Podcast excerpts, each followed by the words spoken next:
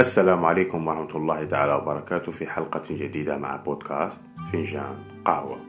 اليوم نتكلم في حلقتنا عن الغيرة. الغيرة مطلوبة ولكن بحدود.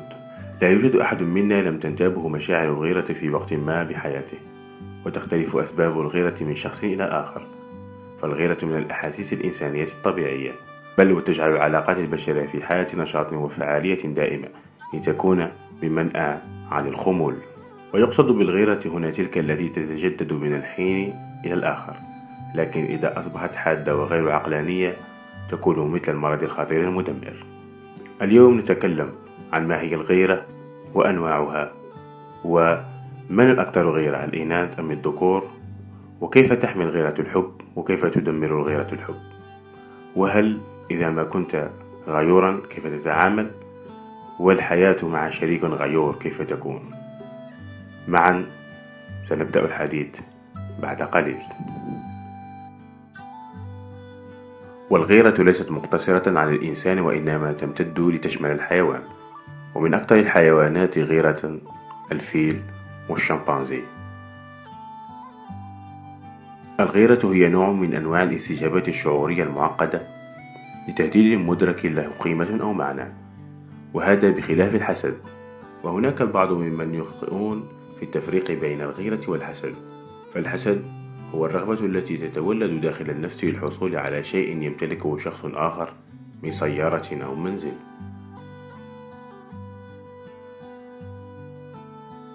أما الغيرة فتتصف بأن الخوف من فقد الشيء أو الشخص فقد حبيب أو صديق أو وظيفة فهي مشاعر مسبقة من أجل تجنب الفقد بل وتجعلنا نتخذ بعض الإجراءات الاحتياطية التي تتمثل في الغضب أو الثورة. فالغيرة بمعنى آخر الخوف من فقدان العلاقة أو عدم قبول طرف ثالث فيها.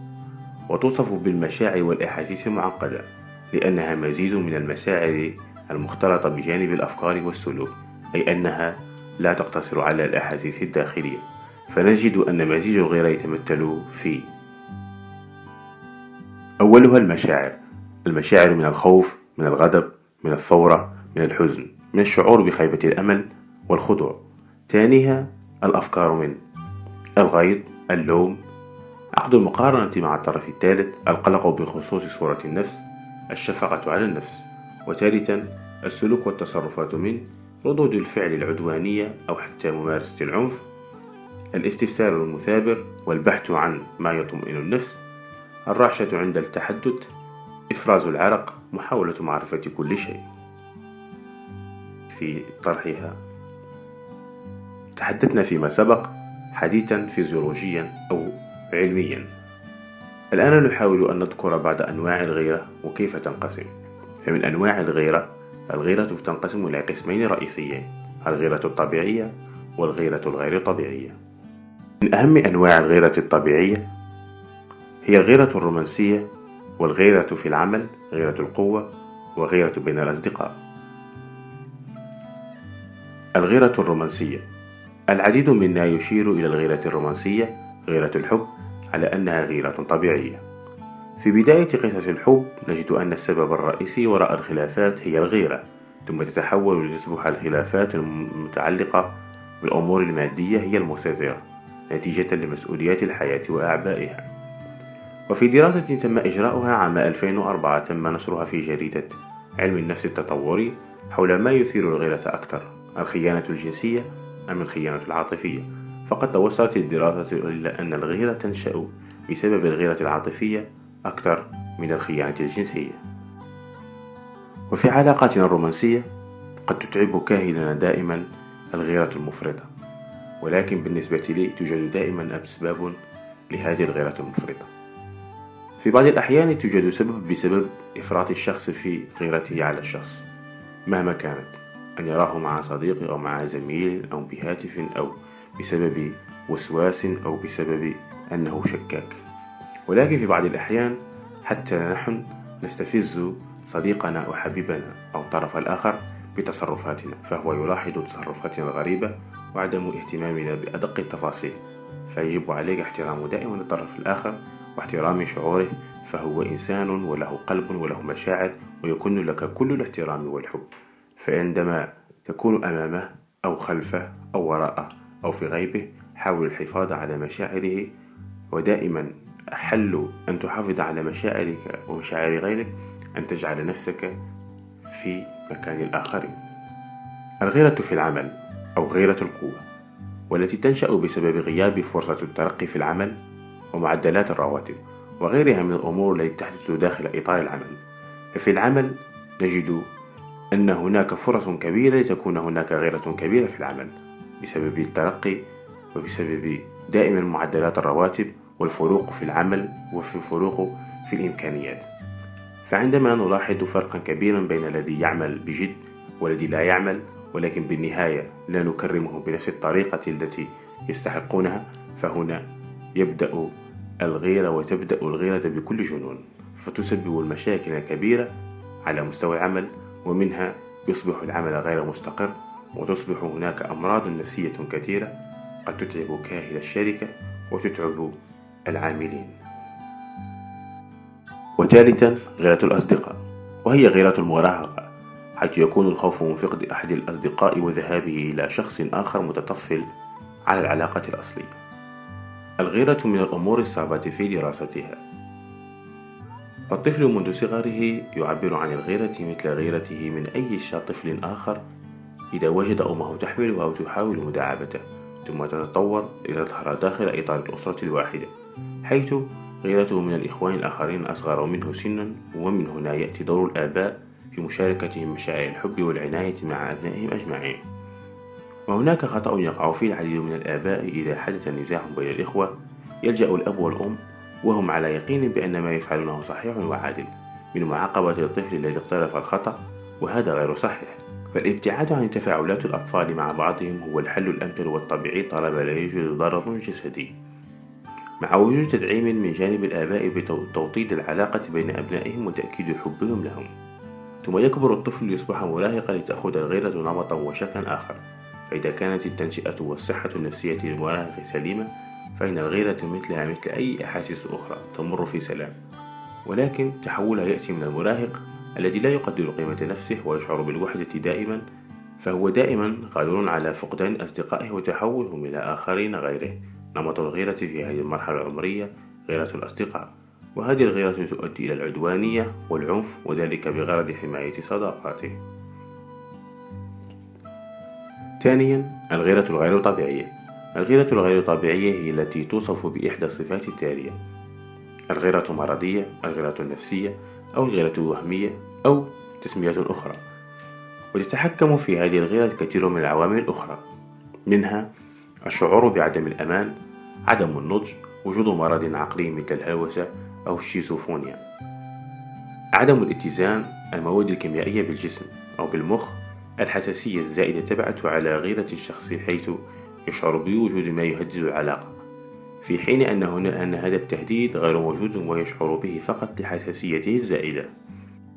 وتترجم الغيرة غير الطبيعية في صورة محاولة فرض السيطرة أو التحكم المفرط في الشريك الآخر لأن, لأن لديه شعور غير حقيقي بعدم إخلاصه.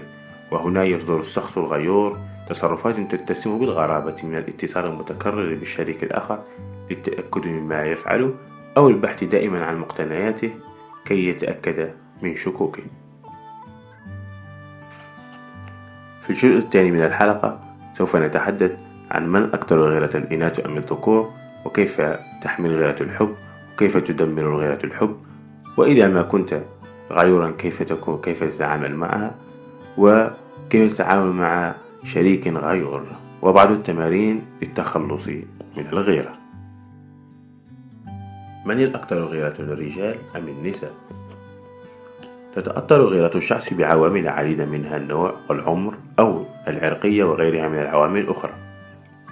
من الصعب دراسة الغيرة بين المجموعات العمرية والعرقية المختلفة. فالمجموعات العمرية تتطلب من الباحث دراسة الغيرة في السن الواحدة ثم إعادة الدراسة بعد مرور فترة من الزمن لملاحظة التغيرات التي تطرأ على هذه المجموعة العمرية كما أن الأجيال تختلف من حقبة زمنية إلى أخرى نتيجة للتغيرات الثقافية وبل والاختلافات البشرية ونفس الشيء بالنسبة للعامل العرقي.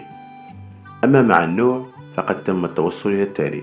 هناك دراسة تم إجراؤها أكدت المقولة القديمة بأن النساء أكثر غيرة من الرجال والسبب وراء ذلك أن الإناث لديهم معدلات عالية من الإخلاص والوفاء والطيبة والتقمص العاطفي والالتزام عن الذكور ولذلك فهم يظهرون غيرتهم بمجرد عدم تحقق مثل هذه المعايير وبالتالي ظهورها على أنها نمط سلبي.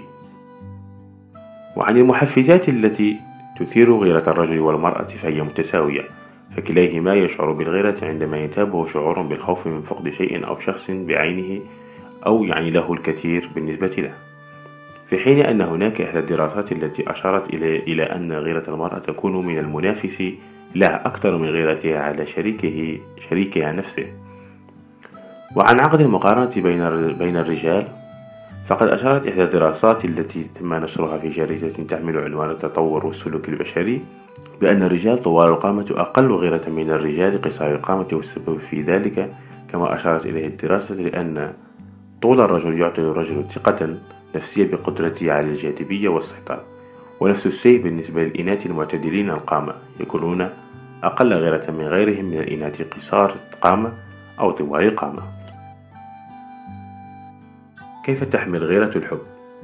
في العلاقات عندما تكون الغيرة في صورتها الطبيعية وتحدث بشكل طارئ فهي تذكر كلا الطرفين بقيمة كل واحد منهما وماذا يعني بالنسبة له وذلك من أجل بذل مجهود واع للشعور بالطرف الآخر بأن له قيمة في حياة شريكه فالغيرة تقوي المشاعر تجدد الحب تضفي على الحياة الجنسية العاطفية والغيرة بالجرعات الصغيرة التي يمكن السيطرة عليها تكون قوة إيجابية في أي علاقة.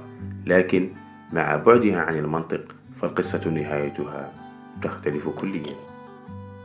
كيف تدمر غيرة الحب؟ في بعض الأحيان تخرج الغيرة عن إطارها المحدد لها. وأمثلة الغيرة الغير مقبولة غيرة المرأة على الرجل عندما تكون رئيسته في العمل امرأة. أو كغيرة الرجل على المرأة عندما يشاهد تتعامل مع رجال آخرين أو حتى تتحدث معهم.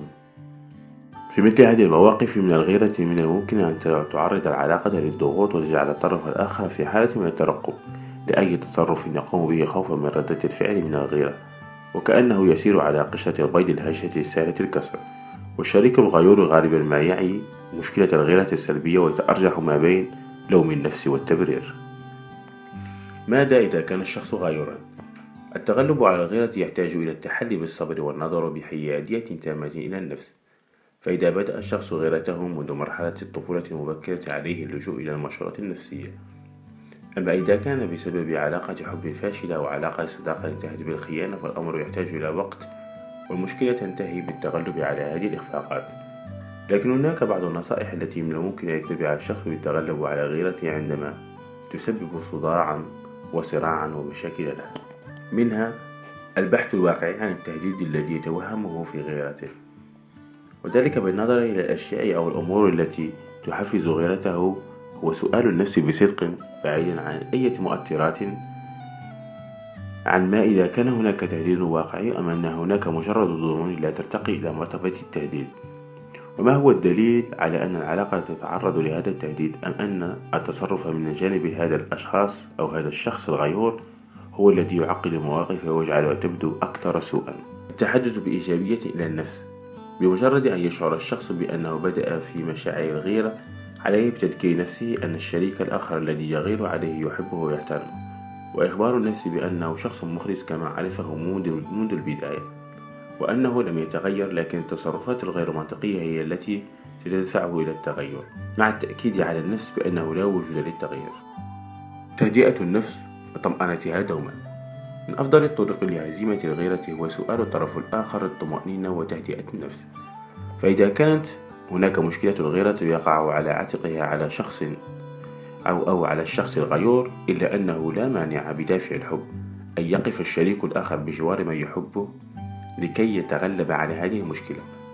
فقوام العلاقة الناجحة هو تقديم العون للطرف الذي يحتاج إليه فهي علاقة أخذ وعطاء في نفس الوقت.